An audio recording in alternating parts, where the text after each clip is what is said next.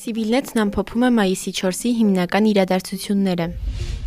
Նորոգման աշխատանքների քողի տակ ադրբեջանցիներն աղավաղում են հայկական հոգևոր մշակութային կարևորագույն արժեքներից մեկը՝ Շուշիի Ղազանչեցոտ Սուրբ Ամենափրկիչ եկեղեցին։ Այս մասին Facebook-ի իր էջում գրել է Արցախի մարդու իրավունքների պաշտպան Գեգամ Ստեփանյանը։ Բազմաթիվ դեպքերով մենք տեսել ենք, թե ինչպես է Ադրբեջանը վերաբերում հայկական մշակութային արժեքներին, եւ արդեն իսկ հասկանալի է, թե վերանորոգման աշխատանքների անվան տակ իրականում ինչ է արվում, գրել է նա։ Ըստ Արցախի մարդու իրավունքների պաշտպանի Ադրբեջանի նպատակը հայկական ներկայությունն ու հետքը ոչնչացնելն է։ Հարցին անդրադարձել է նաև Հայաստանի արտաքին գործերի նախարարությունը, նշելով, որ Ադրբեջանը խախտում է հայ հավատացյալների կրոնի ազատության իրավունքը։ Նույնքան մտահոգիչ է, որ Ադրբեջանը սկսել է եկեղեցու ճարտարապետական տեսքի փոփոխման աշխատանքներ կատարել մինչև ՅՈՒՆԵՍԿՕ-ի փորձագետների գնահատման առաքելության կողմից աշխատանքների սկսումը, նշվում է հայտարարությունում։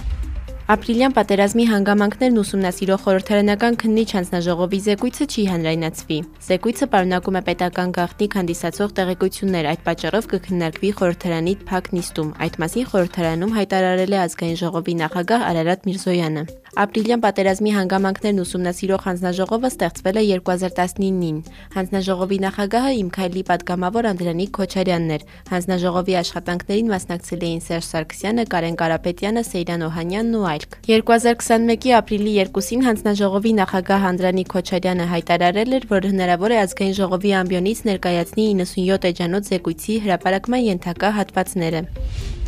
Վարչապետի առաջարկով Արմեն Սարգսյանը ստորագրել է Կարեն Աբ รา համյանին Հայաստանի զինված ուժերի գլխավոր շտաբի պետի տեղակալի պաշտոնից ազատելու մասին հրամանագիրը։ Այս մասին տեղեկացնում է Հանրապետության նախագահի պաշտոնական կայքը։ Կարեն Աբ รา համյանը Հայաստանի զինված ուժերի գլխավոր շտաբի պետի տեղակալ էր նշանակվել 2020-ի հունիսի 25-ին։ 2018-ի դեկտեմբերի 14-ից մինչև 2020-ի փետրվարի 24-ը Կարեն Աբ รา համյանը զբաղեցրել է Արցախի պաշտպանության բանակի հրամանատարի պաշտոնը։ Նրան այդ պաշտոնում փոխարինել էր Ջալալ Հարությունյանը։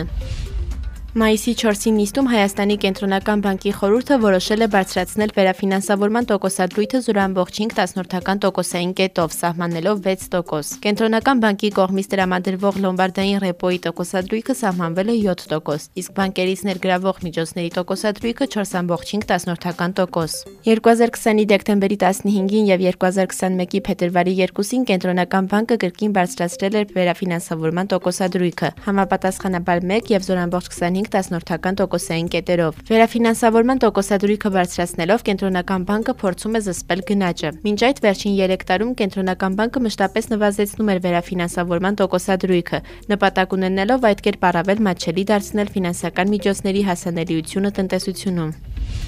Շուտով Հայաստանում հնարավոր կլինի պատվաստվել նաև հանրային վայրերում, հրապարակներում, մոլերում, փողոցներում։ Այս մասին այսօր մայիսի 4-ին հրավիրված մամուլի ասուլիսի ժամանակ հայտնել է Ամերիկահայ վիրաբույժ հանրային առողջության մասնագետ Շան Շխրտումյանը, որը Հայաստանի առողջապահության նախարարության հետ համագործակցության շրջանակում պատվաստումների գործընթացում փորձի փոխանակում է իրականացնում։ Շան Շխրտումյանի խոսքով հանրային վայրերում լինելու են փոքր բուժկետեր, Մայիսի 3-ի դրությամբ Հայաստանում կորոնավիրուսի դեմ պատվաստվել է 4786 Smart.